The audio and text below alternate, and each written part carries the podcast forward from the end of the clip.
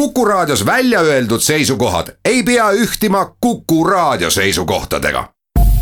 Te kuulate Kuku Raadiot.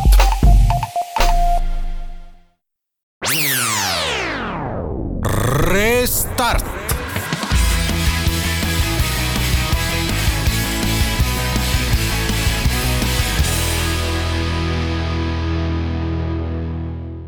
Laupäeva pärastlõuna on käes ja Taavi Kotka, Hendrik Roonemaa on äh, Restardi virtuaalstuudios äh, ning äh, meil on külaline ja no mõnes mõttes, kui me Restardi saates nimetaksime nädala tegijaid või midagi sellist, siis me saaks öelda, et meie tänane külaline ilmselt Eesti idufirmade maailmas võib täitsa kandideerida nädala tegija tiitlile. ja, ja selleks külaliseks on Kaarel Kotkas, idufirma Veriff juht ja asutaja ning miks ma ütlen, et ta võiks olla nädala tegija nimelt äh, siin nädala alguses tuli uudis, et äh, Veriff teatas esmaspäeval kuuekümne kolmele töötajale koondamisest ja, ja vähemasti, mis sellist avalikku, äh, avalikku koondamist puudutab, siis Eesti tuntumate idufirmade seas noh, Starship oli ja mul praegu peast ei löögi ette, et, et Pipedrive'is vist ka midagi koondati. et, et et Veriff on nüüd siis selline teine ja kolmas ehk äh, hakkab tulema. ja see on ka põhjus, äh, ütleme üks põhjuseid, miks me Kaarli täna saatesse palusime, et rääkida millestki, ütleme sellest sammust ja otsusest natukene, mis äh, mitte ainult idufirmadel, vaid paljudel teistel firmadel ilmselt seisab ees. aga ka sealt laiemalt, et kui kõik virtualiseerub, siis minu loogika ütleb, et Kaarli Kaarlile ja Veriffile peaks see vastupidi just väga hästi mõjuma, nii et me räägime kindlasti tulevikust ka no ütleme nii, et sa nimetasid siin mõned, kes täna koondavad äh,, iseenesest koondavad palju. et ka see analüüs, mida Startup liidrite klubi andis välja, et äh,. et noh, ma ei tea, pooltel äh, startup idel saab viie kuuga raha otsa tõenäoliselt, et äh, täna me oleme ikkagi olukorras, kus äh, make it or break it ehk siis äh, kui sa äh, oma kulusid ei suuda kokku võtta, kui sa oma runway'd ei suure, ei suuda pikendada. kas siis selle läbi, et sa vähendad kulusid või suurendad tulusid, on ju, siis kuna investeeringud on suht kinni siis kõigil läheb ikkagi punasesse ja, ja nad peavad hakkama radikaalsemaid samme astuma ja ütleme ausalt, et. Need startup'id, kes näidavad, näitavad täna seda julgust ja jõudu äh, kulusid kõvasti kokku tõmmata, neid kindlasti ka investorid vaatavad äh, parema pilguga tuleviku suhtes. aga enne üldse, kuidas me lähme sinna, räägi Kaarel, kuidas see Covidi värk, kuidas see sind üldse mõjutanud on? eks loomulikult Covid on tekitanud palju segadust turul et mõned olemasolevad kliendid eh, on saanud pihta ja aga samas on hästi palju uusi võimalusi tekkinud Veriffile, kus on seda teenust vaja. et kui varasemalt meie kliendibaas olid tavaliselt fintech ettevõtted, siis marketplace'id ja e-kaubandus. siis pärast seda, kui inimesed pidid nüüd kodus olema, mõistis, mõistis ülejäänud maailm internetis samuti, et nad peavad ikkagi oma inimesi identima. ühesõnaga, lähme praktiliseks, et äh, sul oli väga palju krüptoraha kliente, need kukkusid ära. mõned kukkusid, mõned ei kukkunud. ja nüüd see teenus, teenus, mis nüüd juurde tuleb, on see, et äh, kui ettevõtted ehk suurettevõtted lükkavad oma töötajad kõik koju. siis kokkuvõttes on ikkagi vaja teada, et äh, kui töötaja Äh, nüüd ma ei tea, oma kodusest arvutist või kodusest võrgust äh, connect ib ärisaladuste juurde, et siis äh, ikkagi oleks see inimene, kes sinna peaks sisse saama, et see ei tohiks olla mingi võõras või, või mingi väline keha. ma saan aru, et see on see business, mis on ju tulnud juurde täpselt, see on üks, üks osa näidetest sellest, et tegelikult on hästi palju ka telehealth'i ettevõtete osakaal kasvanud. et on vaja inimesi identida, ülikoolid, kus me võimaldame teha distantsilt eksameid notaritele läksime appi Eestis, et neil oleks võimalik distantsilt kõik notariaalseid lepinguid kinnitada. et väga palju uusi võimalusi on tekkinud, lihtsalt meie äri ei ole selline, nagu on Zoom'i kõne. et kohe avad ja saad kasutada, meil on enamasti kahe kuni kolme kuune viivitus seal sees aga kindlasti... miks see viivitus tuleb, see tuleb sellest, et äh, klient peab oma äriprotsessid põhimõtteliselt nii-öelda ümber disainima ja siis sinna külge panema teie Äh, nii-öelda API-d, kusjuures äh, olles ise vaadanud sinna sisse, siis äh, teiega liitumine või liidestumine on ülilihtne. Teil on see väga läbipaistev, väga selge, väga arusaadavad juhendid, väga lihtsakoeline. et iseenesest ma saan aru, et probleem ei olegi Veriff, vaid probleem on see, et, et näed, see ettevõte ise peab esmalt üldse aru saama, mis ta enda protsess on ja ma arvan, et see tehniline liidestamise pool on kõige lihtsam osa tervest protsessist, aga kuna me käsitleme sensitiivseid andmeid. Inimese näo biomeetria, dokumendi pildid, siis selle tulemusel suurettevõtetega ärisuhtesse astudes on meil tavaliselt väga palju legal tööd, mida on vaja lepinguliselt korda saada ja see. aga mis on see hirm? see hirm on see, et võtate koopia, teete endale kuskil salaserverit kuskil Mongoolias, sinna läheb kõik koop-, nii-öelda kõik töötajate näopildid, andmed, muud asjad. või mis see, kus see hirm on? Ma arvan, et see ei olegi otseselt hirm, kuivõrd protsess, mis tuleb läbida. et meie valdkond on küllaltki reguleeritud ja selle tulemusel on vaja hästi täpselt järgida kõiki nõudeid ja see on kahjuks osa protsessist, mis äh, integratsioone pikendab ühesõnaga, me oleme jõudnud olukorda, kus sa ütled, et noh, et uusi kliente on palju juurde tulnud, eks ole, elu on äh, noh, justkui nagu ilusamaks läinud. et see on ka see loogiline pool, et, äh, et tõepoolest, kui see niimoodi läheb, kui majanduses selline seis on, et kõik lähevad korraga koju, et siis Veriffi-sugused ettevõtted võib-olla ma ei tea e, e-residentsus, Xolo, need peaks kõik kasvama ja ometi noh, te kuuskümmend kolm inimest äh, praeguse seisuga olete koondanud, räägi sellest loost natuke, kuidas see niimoodi läks? kindlasti oli tegemist väga raske otsusega, olukorras, kus äh, see oli viimane osa, mida me hoidsime ka silmas. aga arvestades seda, et me oma rahastusringi planeerisime märtsikuusse, siis see tekitas ka sellise olukorra, kus, äh, kus tekkis arvestades olukorda, kus likviidsuskriisi tuleb vältida ja oma rahadega hakkama saada. tuli teha selline otsus, et me hakkame nüüd ise oma rahadega ära elama. Te tõstsite, eks ole, viimase raha paar aastat tagasi, kaks tuhat kaheksateist, ma ei tea, kevadel-suvel, midagi sellist. ja, ja noh, seda nagu, seda oli palju, aga mitte üüratult palju, et kui oli seitse miljonit dollarit vist. Ähm, et see ka loogika ütleb, et kui sa ikkagi sadu inimesi palgal hoiad, et noh, siis peaks olema, et palju seda runway'd on, et meil, meil käis siin äh, Kristjan Maruste, kes ütles, et kogu, kogu aeg vaatad, et näe, enam ei ole, aga noh, siis äh, kolme kuu pärast tuleb välja, et ikka on kolm kuud. et kuidas, kuidas see nagu teie olukord äh, märtsis oli, et juba kuristik paistis? ma arvan, et see noh, kindlasti oli, oli näha runway lõppu. et see oli ka probleem, mille, mille tõttu me nägime, et me ei saa midagi juhuse taha jätta. ja selle väiksemate riskide võtmiseks antud hetkel me peame iseseisvalt hakkama saada. aga ütleme, loogika ütleb, et kui te plaanisite märtsis tõsta raha, on ju. ja see, ja see ilmselt oleks olnud suurem ring, kui see seitse miljonit tollal oli. siis ega neid diile ei panda kokku nädala või kolme päevaga, on ju, et ilmselt oli see teil pikalt tööl ja kui te märtsis plaanisite selle raha tõsta, siis järelikult pidi see diil teil sisuliselt ju valmis olema. ei, meil oli pigem nagu plaan see, et me märtsis hakkame väga aktiivselt selle tööga tegelema, et kindlasti okay.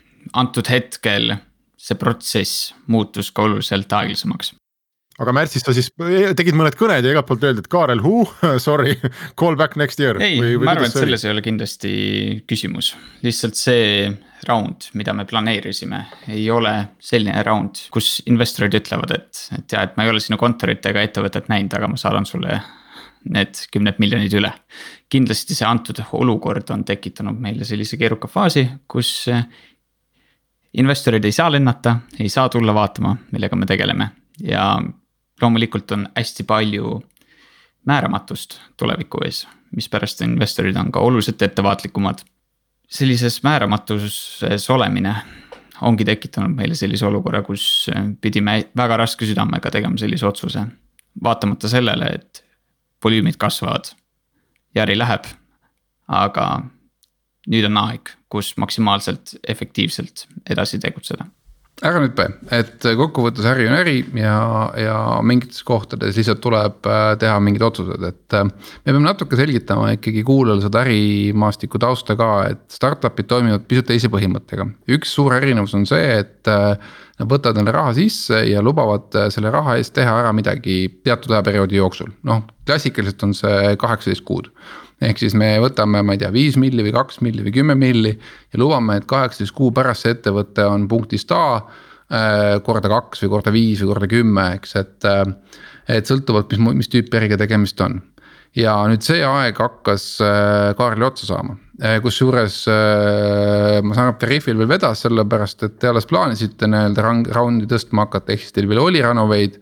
aga meil oli ka Eestis ettevõtteid, kelle puhul sõna otseses mõttes see, mis Henrik rääkisid, et diilid on tehtud, diilid on läbi vaieldud ja siis järsku tuleb kuskilt mingi haigus, mis puraki ütleb nii, et, et kõik investorid võtavad oma nii-öelda kokkulepped tagasi, ütlevad, et sorry et äh, nagu sa Kaarel ütlesid, määramatust on nii palju, et me tõmbame tagasi, kusjuures äh, lisaks äh, Covidile tuleb mainida, et, et sellised suurema mahuga diilid said pihta ka WeWorkiga. Ehk siis turult on tegelikult usaldus kadunud, ehk siis on jälle tekkinud nagu siin aasta-kaks tagasi, kolm tagasi oli seotud krüptorahaga väga palju pettust, on, on, on ka startup'i maastikul tekkinud mingid ettevõtted, kes fake ivad, ehk siis nad äh, noh, loovad äh, mingi imidži, mingi pildi mingist suurest ettevõttest. ja kui sa sisse kaevad, siis tuleb välja, et pole seal mitte midagi ja, ja käive on pe-, noh petetud ja. ja kliendid on petetud ja nii edasi, on ju.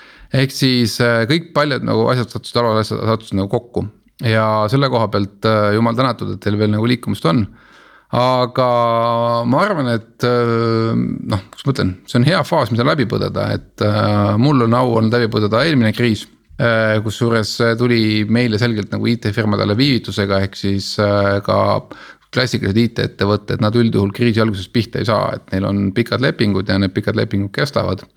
Aga ütleme niimoodi, et me oleme saates rääkinud ka, et terve Eesti IT-sektor äh, hakkas eksportima tänu eelmisele kriisile et enne seda, kui te vaatate IT-ettevõtte eksportkäibed, need olid noh marginaalsed, ma ei tea, viiskümmend, kuuskümmend miljonit eurot võib-olla aastas.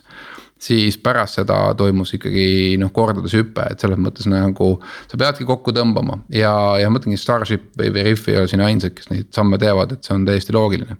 aga te tegite selle sammu ka pigem sellepärast, et teie enda teenus on paremaks läinud, sest kokkuvõttes Veriff peaks ju muutuma enam-vähem täisautomaatseks, noh okei okay,, päris sada protsenti ei olegi võimalik, aga ütleme niimoodi, et. isikutuvastus, mis te teete, et äh, ikkagi kokkuvõttes peaks tegema arvuti neid äh, no ma ei tea, mingi üheksakümne kuue, üheksakümne kaheksa protsendi ulatuses ja siis mingid case'id võib-olla inimene vaatab üle. ma saan aru, et ka teie algoritmid on paremaks läinud, et ei ole seda inimest väga sinna vaja enam. jah, see oligi meie efektiivistamise põhiliseks põhjuseks, et äh, ajal, kus me olime õppimisfaasis vajas rohkem inimese pealevaatamist, need erinevad sessioonid, mis me tegime. hetkel praeguses kriisis ka on kõige rohkem uusi kliente tulemas no Euroopast ja Ameerikast. E, nendes e, turgudel on meil juba ligi üheksakümne protsendine automatiseering. sest see tekitaski meile olukorra, kus meil oli väga palju nii-öelda lisatööjõudu, kes ei saanud enam sellises mahus reaalset tööd teha, sest automaatika tegi enamuses töö ära. Meie valdkonnas automatiseerimine, ma arvan et, et äh, saja protsendi peale seda nagu täielikult mitte kunagi ei saa. ta on natukene nagu Tesla, et äh, kui Tesla omab seda võimalust, et sa maanteel sõites võid käed lahti lasta siis ta on nõus natukene ise edasi sõitma, aga siis, kui lähed mingile muule maastikule või keerulisematele teedele, siis ta ikkagi ütleb, et ole nüüd hea, et sõida ise. Kui Tesla omab seda võimalust, et tema omab riistvara, et see on see auto, ainuke määramatus on tee, siis meie valdkonnas on kümme tuhat erinevat seadet, mida inimesed kasutavad. koos kümne tuhande erineva dokumenditüübiga üle maa. ja seejärel veel siis tuhat erinevat valgustingimust, millega inimene näitab seda dokumenti. seega kümneprotsendine eh, abi selles valdkonnas jääb veel viieks aastaks. aga sinnamaani oleme nüüd enamuses jõudnud ja see on see. no see viis aastat, mis sa välja käid, on vähemasti oluliselt parem kui see, mida isejuhtivate autode puhul arvatakse. et selles mõttes olete head tööd teinud, aga me teeme siia pausi ja siis äh, oleme tagasi. Restart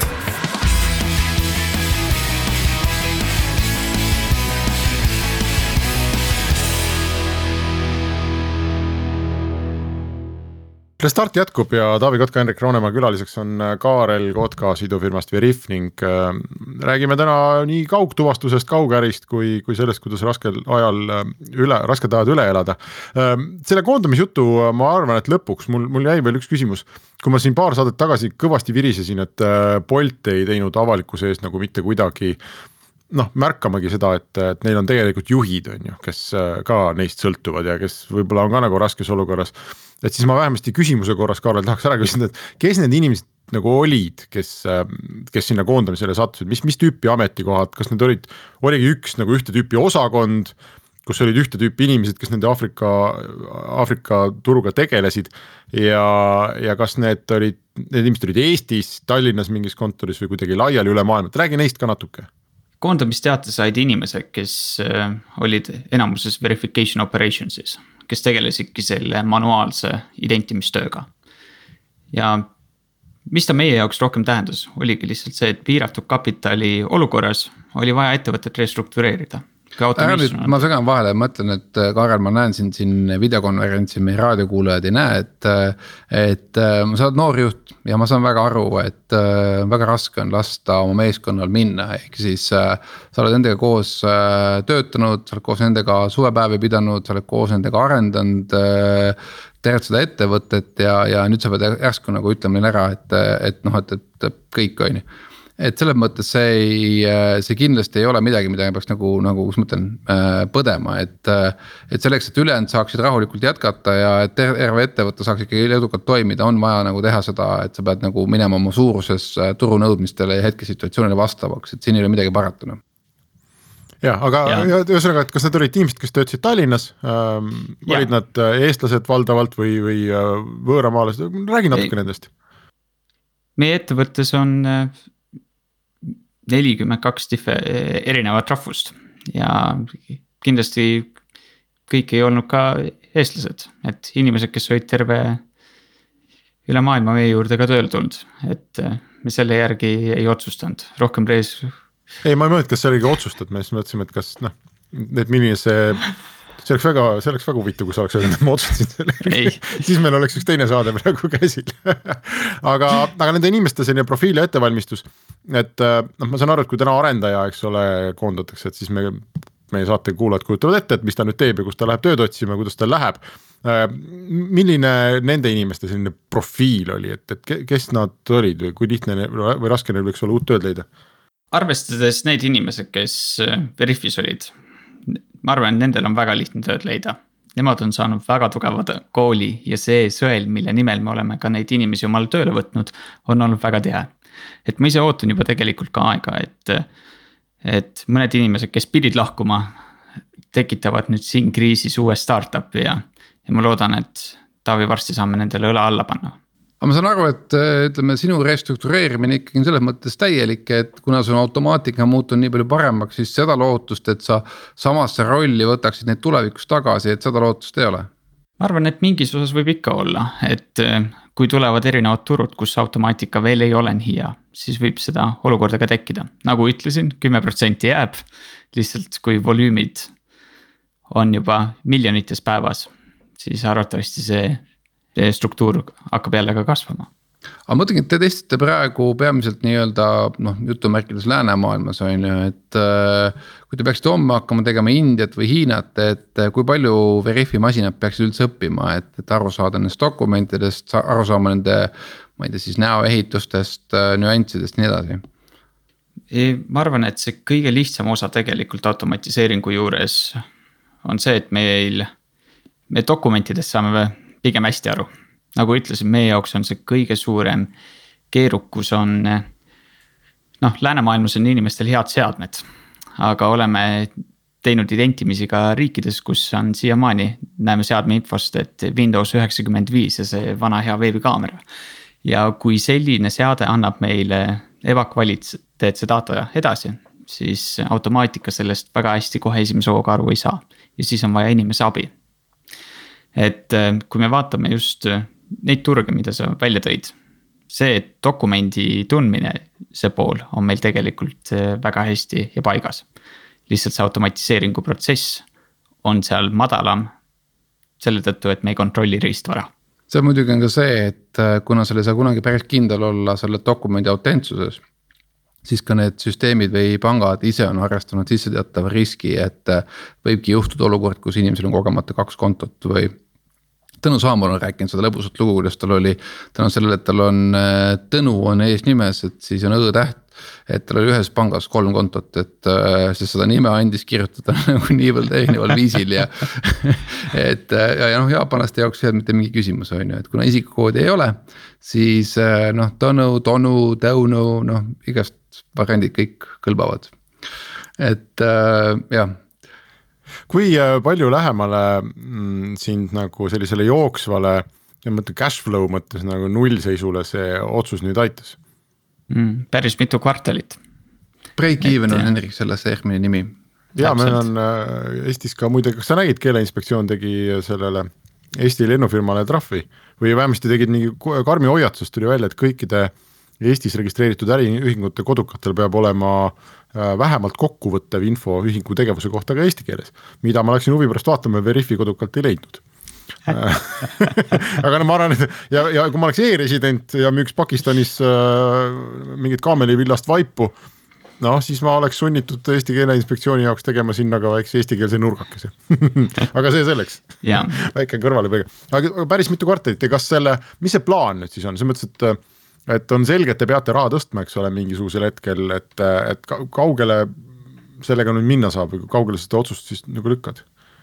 Ma arvan, et meie praegune plaan on nüüd äh, liikuda selles suunas, et me siis ise alles otsustame, kas me tahame raha kaasata või mitte. et see on tehtud sellisel kujul, et me saaksime finantsiliselt iseseisvaks ettevõtteks.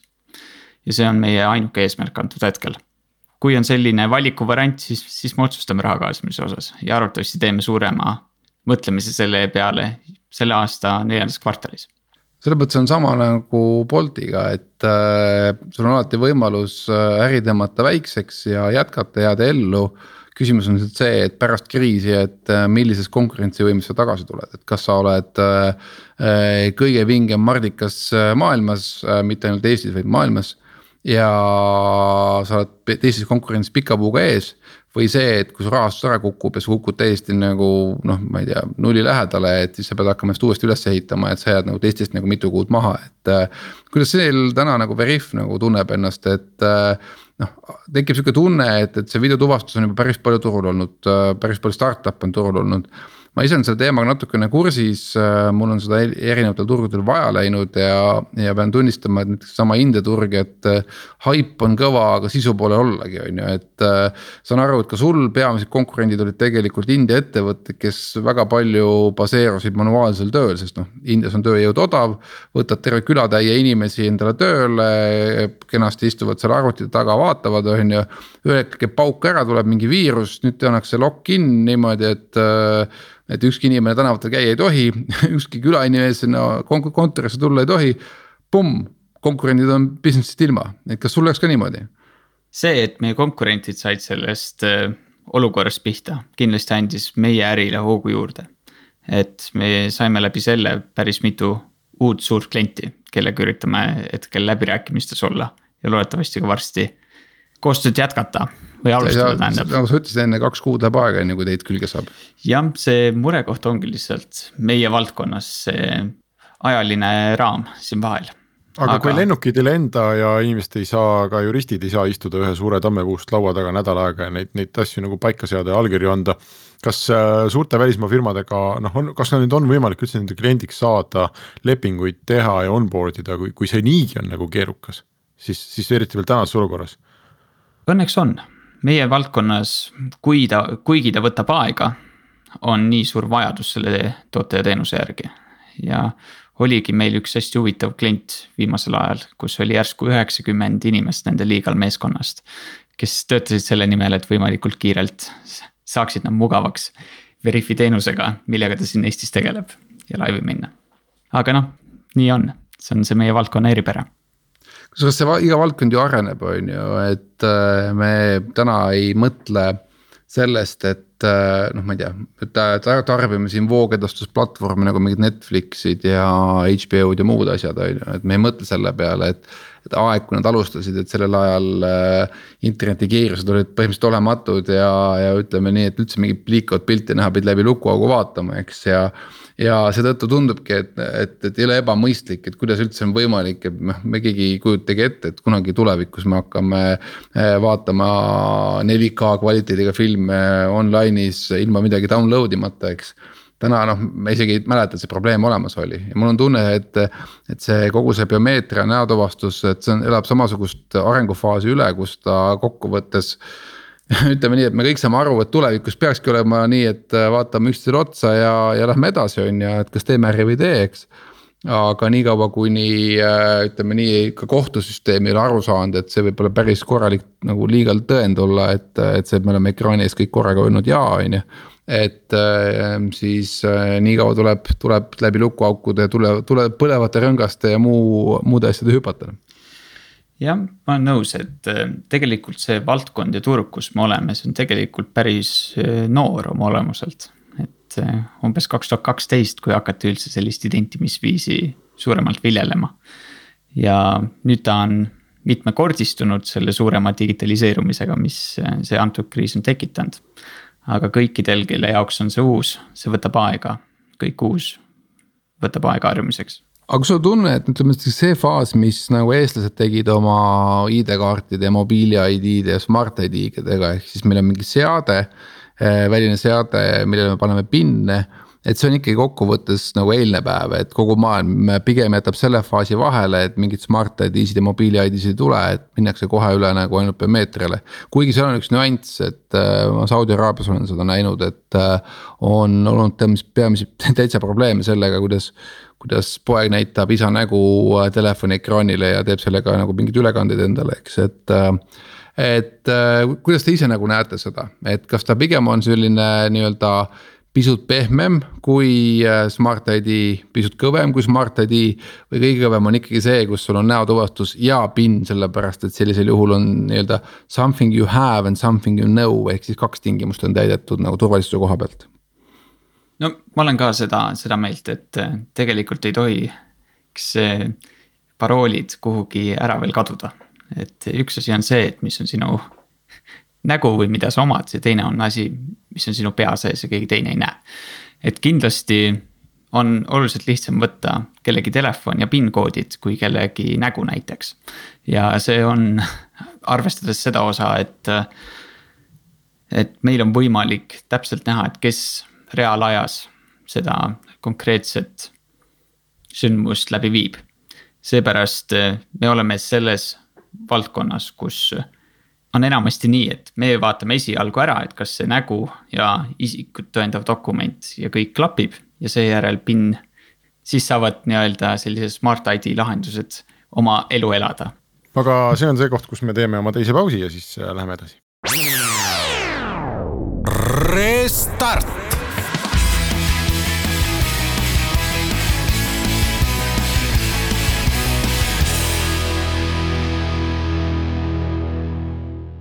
Restart jätkub ja me räägime Kaarel Kotkasega Veriffist ja me ei räägi täna mitte niivõrd väga Veriffi business'ist kui sellest, et äh, kui raske on siis teha sellisel kriisihetkel äh, keerulisi otsuseid ettevõtte juhtimise koha pealt, et äh,. enne kui me lähme selle koha pealt, mismoodi meeskond, alles end meeskond ennast nagu tunneb ja kuidas üldse selline kommunikatsioon ette, ettevõtte sees käima peaks äh, küsin seda asja ka ära, et kas sa tunnetad seda, et nii kui läks keerulisemaks ka investorite poolt võis nagu tunnetada sellist olukorra ärakasutamise tuhinat et noh, a la, et äh, kõik me teame, et startup'id elavad kaheksateist kuud, nii nüüd, kellel hakkab raha lõppema, meid põhimõtteliselt saab ju pitsitada, saab ju kirjutada ette, et anname väga kehvad tingimused, on ju. või noh, ütleme täpselt samamoodi nagu toimus, ma ei tea, pankade bail-out äh, kümme aastat tagasi, kus äh, föderaalfond pani ikkagi nagu päris räiged tingimused selleks, et laenu anda nii-öelda suurematele tegijatele. et kas sina ka hakkasid kohe tunnetama, et oli mingi ports selliseid šaakaleid ukse taga, kes nii-öelda olid valmis oma küüned ja kihvad ja kihisevad äh, teie, teie kaela, kaela ajama. ja kindlasti, et selles suhtes, et seda me panime tähele, et üks hetk siis läks kohe investorite huvi oluliselt suuremaks. paratamatult ka pärast, äh, pärast seda uudist, mida me tegime. et see on selle turu paratamatus mille pärast me ise ka nägime, et me peame iseseisvalt hakkama saama.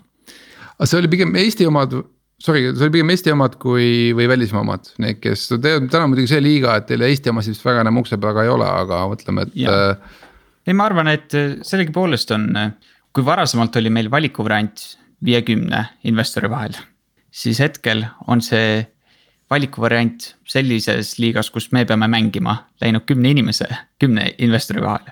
selle tulemusel on ka konkurents väiksem, mille tulemusel nemad tunnevad oma raha väärtust ja üritavad soodusmüügile ligi saada. aga meil soodusmüüki pole plaanis. mismoodi see välja nägi, et kui sa ütlesid, et, et noh, ilmus ukse taha igasuguseid huvitavaid äh, nagu tegelasi, et et kas, ma ei tea, kas sa said kõnesid, kas tuleb mingi email või milles, milles see sisu oli, et, et noh, ma ei tea, pakume raundi tõstmist väga kehvadel tingimustel, võtad nii palju raha, nii palju osalust, leave it, anna tunni aja pärast teada või milline, milline see välja näeb? ma arvan, et see vestlus investoritega on natukene muutunud ajas, kus esialgu tulevad investorid tõepoolest sinu juurde ja ütlevad, et nii. mul on sihuke pakkumine, kas sa tahad sel teemal rääkida või mitte ja tavaliselt on see vestlus hoopis selline, et me räägime ettevõttest ja kõik osa läbi ja siis me läheme rääkima tingimustest. et äh, mõneti on vestlused läinud lühemaks ja seega me ei tahagi nendega väga, natukene keerukam on äh, sellise õngi, õngitsemisega nagu kaasa minna aga see õngitsemise sisu ikkagi on see, et, et ma, et ma pakun sulle raha ja sina annad mulle osalust ja annad vot täpselt nii palju, kui ma küsin ja ma küsin rohkem, kui nii-öelda turutingimustel oleks mõistlik. jah no selles mõttes ei saa öelda, et turutingimustel mõistlik, sellepärast et turul ongi see omadus, et see, millega aktsepteeritakse, see ongi turg on ju, et. ei no jaa, ma mõtlen kriisieelsetel turutingimustel, noh kui ja. sa veel kaks aastat, kaks kuud tagasi oleks mõelnud, et kuule, et see on hea nali küll, aga noh, head aega on ju. ei kindlasti, et, et jaa, loomulikult mitte....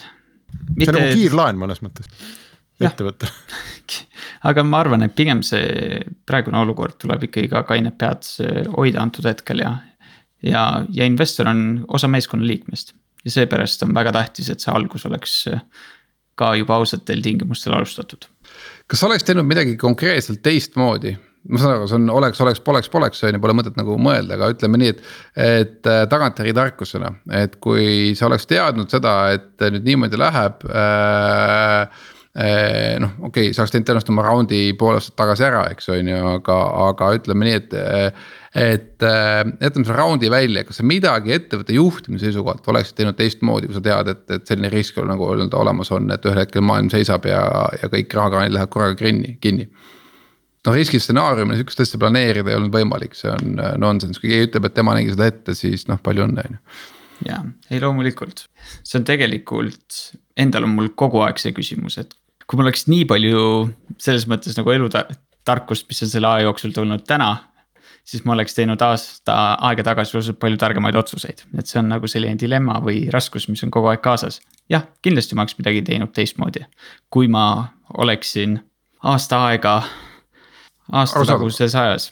ja aga ma ütlengi no, kui sa oled täna praktiline ettepanek äh, noorele startup'ile, et kes alles mõtleb alustamise peale, et äh, et äh, ma ei tea, hoia pidevalt Renovate'i rohkem kui kolm kuud ja, või, või mis on see, mis on see nii-öelda nagu üks asi, mille sa võib-olla nagu tahaksid südamele panna või, või see, et sa räägid tiimiga enne läbi selle, et. Äh, see on muidu asi, mida ma, mina olen palju kasutanud, et, et ma pidevalt räägin äh, tiimiga riskidest et noh, a la, mis meid ähvardab, et mis on, mis on potentsiaalsed võimalikud stsenaariumid, millega me läheme, oleme doomed.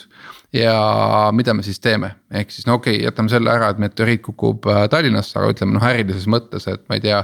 kolm kõige suuremat klienti ütlevad korraga, et tšau ja nüüd me oleme nagu kaks kuud tööta või kolm kuud tööta, et mis siis saab, et. et selliste asjade ette läbi rääkimine, ma olen näinud, et, et väga palju aitab, aga, aga, aga teie puhul, et. et kui sa praegu mõtled selle peale, mida sa annaksid nõu noorele startup'erile? Ma arvan, et tuleb neid raskeid otsuseid võtta vastu esimesel võimalusel ehk siis, kui see... sul on vaja koondada, siis tuleb koondada ja mitte seda mõtet edasi lükata, et.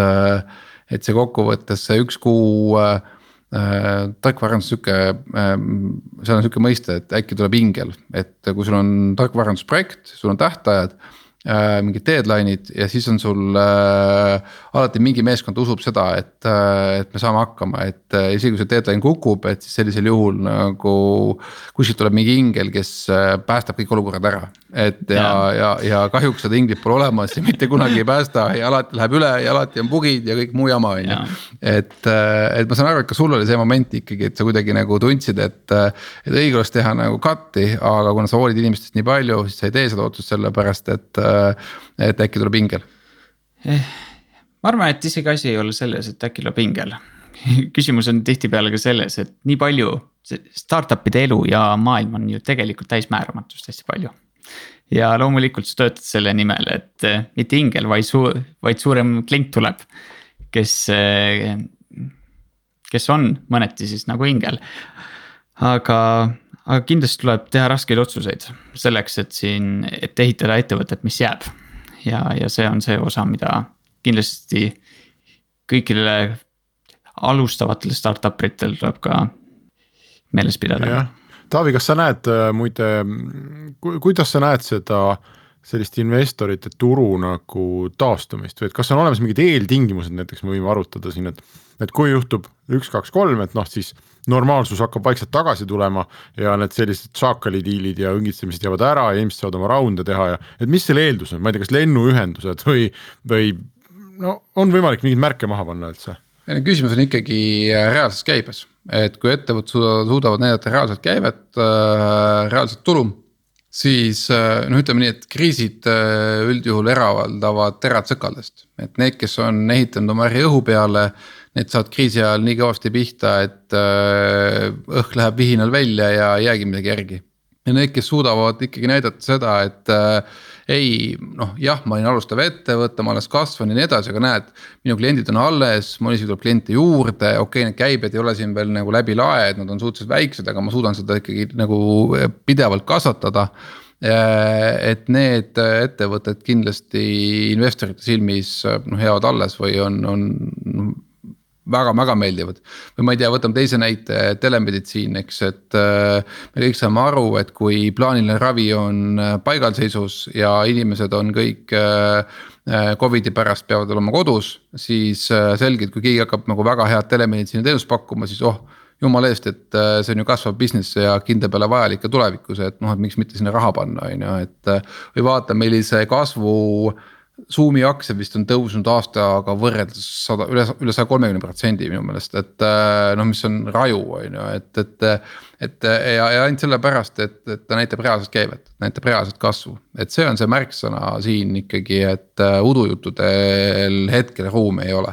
aga no ma saan aru, et Kaarli mure oli see, et ta noh, on, on sunnitud tõstma üsna suurt raundi, eks ole, ja kui investor tõesti ei saagi, noh tulla, ma ei tea, siia või kokku või ta peabki samamoodi läbi mingi veebikaamera näitama, et this is my office, et no et see lihtsalt ei ole no ütleme realistlikult lihtsalt võimalik, isegi kui investor usub sellesse ja tal on käive ja kõik on, on ju, et lihtsalt mingid sellised füüsilised takistused enam-vähem on vahel või kuidas sa näed seda? no see on pigem nagu arvutimängus, kui sa mõtled selle peale, et äh, seal on alati erinevad variandid, kuidas oma strateegia üles ehitada. kui sul on piiratud ressursid, noh a la sul on, ma ei tea, kolm miljonit eurot, sul on alati valik kas sa ehitad sellega müügimeeskonda ja nii-öelda müüd vana toodet. või sa investeerid selle raha uue toote arendusse, mistõttu sul ei jää raha nagu müügimeeskonna peale, mis tähendab seda, et. et okei okay,, sa uut toodet, vana toodet ei ole nii palju müünud, sa tahaksid hakata uut müüma, aga uus pole veel päris valmis ja noh nüüd on pauk, on ju, noh hästi loll situatsioon, eks, et. et see ongi selles mõttes see valikute küsimus, et sa keegi seda tulevikku ei suuda ette ennustada ja, ja sul kas siis joppab või ei joppa, on ju, ja antud juhul noh noh, ongi see, et, et need, kes suudavad ennast ümber mängida, suudavad leida selle tasakaalupunkti selle uue müügi ja vana müügi vahel, eks, et need jäävad ellu ja kes ei suuda, need ei jää. Kaarel, mis, mis peaks juhtuma, et see, et need investorid, kellega sa tahad suurt raundi tõsta, oleksid nagu reaalselt sellest, selleks nagu valmis ja kaua see, kaua see sinu arvates aega võiks võtta? ma olen selles mõttes nõus, et äh, raha on võimalik lõpuks ikkagi kaasata lihtsalt hetkel investorite jaoks on hästi palju määramust, määramatust ja VC-del on ka omal investorid. kes on samuti hetkel natukene saanud külmad jalad ja seepärast on kõigile antud sellisem konservatiivsem vaade. et mis ma nüüd teen ja mille jaoks ma nüüd otsustuse teen see on muidugi üks asi, mida me peame Henrik selgitama korraks, et äh, kuidas käib äh, VC-de rahastamine, on selline, et äh, need fondid kokkuvõttes saavad oma raha siis omakorda investoritelt. ja sellised capital call'id toimuvad üldjuhul noh, kord aastas või, või, või kord äh, kaks korda aastas. kus siis äh, sa oled ette ära lubanud, et jess, et ma panen iga aasta teile, ma ei tea, viis miljonit või, või, või väike investor paneb viiskümmend tuhat näiteks, et. et ma luban teile, et ma panen selle raha ja nüüd, kui see aasta kätte jõuab, siis võib juhtuda olukord, kus noh, meil on mingi Covid ja kus äh, noh, ma ei tea, mina kui fond peaksin sinu fondi panema raha, ütlen, et tead, mul on veits kehvasti, et minu investorid ei ole mulle raha andnud, mistõttu ei anna mina ka sulle raha, on ju. ja, ja nüüd sa oledki, sa oled kogu aeg teadnud, et sul on, äh, ma ei tea, sada viiskümmend miljonit või miljard on sul investeerimiseks kui sa kontole vaatad, ups ei ole, on ju, sest kokkuvõttes see, et eh, sina oled, sulle on keegi lubanud kunagi raha kanda, see Veriff ei aita, on ju. et mina pean eh, Veriffile ikkagi investorina saatma edasi päris raha, on ju, et ma ei saa, et eh, ma saadan sulle edasi lubaduse, et mul on üks pensionifond USA-s, kes lubas tegelikult, et ta päriselt saadab mulle kunagi selle raha, on ju, et, et. et see on ka üks asi, mis on jah, seda kogu seda VC maailma päris korralikult raputanud aga kas on näha, kas me nagu selles mõttes istume siin kolmekesi ja usume, et see, ma ei tea, äh, sügiseks, suveks, aasta lõpuks, äh, kahe tuhande kahekümne viiendaks, noh et mingiks ajaks läheb kõik tagasi selliseks, nagu ta oli või ei lähe? mina arvan seda, et, et noh, ma olen terve elu olnud hästi suur optimist. aga nüüd see minu optimism ütleb ka seda, et kas saab minna hullemaks, jah, saab minna küll. et see on nagu selline optimism, mis paratamatult näitab, et see majanduskriis kohe, kui see kõik läbi saab, siis see, saame ilusti välja minna, see ei tähenda, et majanduses on kohe kõik hästi. et kindlasti see on nagu järk-järguline taastumine. ja seepärast ma näen, et majanduses on veel päris keeruline ka siin aasta lõpus no selgelt me näeme, et ju elu muutub või elu, elukorraldus muutub, ehk siis äh, kui elukorraldus muutub, siis mingid harjumuspärased sammud või tegevused kukuvad ära, muutuvad teistsuguseks, et et äh, mis tähendab ka kohe seda, et äh, noh, ma ei tea, toon mingid näited. Äh, USA-s saab praegu äh, tippülikoolid saavad väga kõvasti pihta, sellepärast et välistudengid ei tule ei tule sellepärast, et noh, lennata ei saa, on ju, ja, ja ütleme niimoodi, et kui sa ikkagi ei ole valmis täna oma haridust andma mulle täis, täismahus üle interneti, siis, siis tõenäoliselt ma astun välja üldse, on ju et, äh, et äh, sama on ka siin on ju, et ta taastub nendes kohtades ikkagi, kus äh, see nii-öelda startup'i rebu või sisu läheb kokku selle noh, tõenäoliselt uue elurütmiga. et siis ta taastub väga hästi ja nende jaoks ta taastub kiirelt, noh ma tõin siin näiteid telemeditsiini või Zoom'i on ju. ja need variandid, kus noh, ma ei tea mm, teen väga vägeda reisikorralduse äpi, millega sa saad äh, lennata kümnesse punkti maailma, no tõenäoliselt seal on mõnda aega olnud veidi veits kehvasti. aga meil on äh, kehvasti muide ajaga, meie saateaeg on läbi, muidugi siis hästi, oleneb kust poolt vaadata. aga meie jaoks normaalsus taastub regulaarselt igal laupäeval. Oleme täitsa normaalselt eetris ja pärast seda podcast'is, nii et kohtume nädala aja pärast, aitäh, Kaarel ja aitäh kõigile kuulajatele. Restart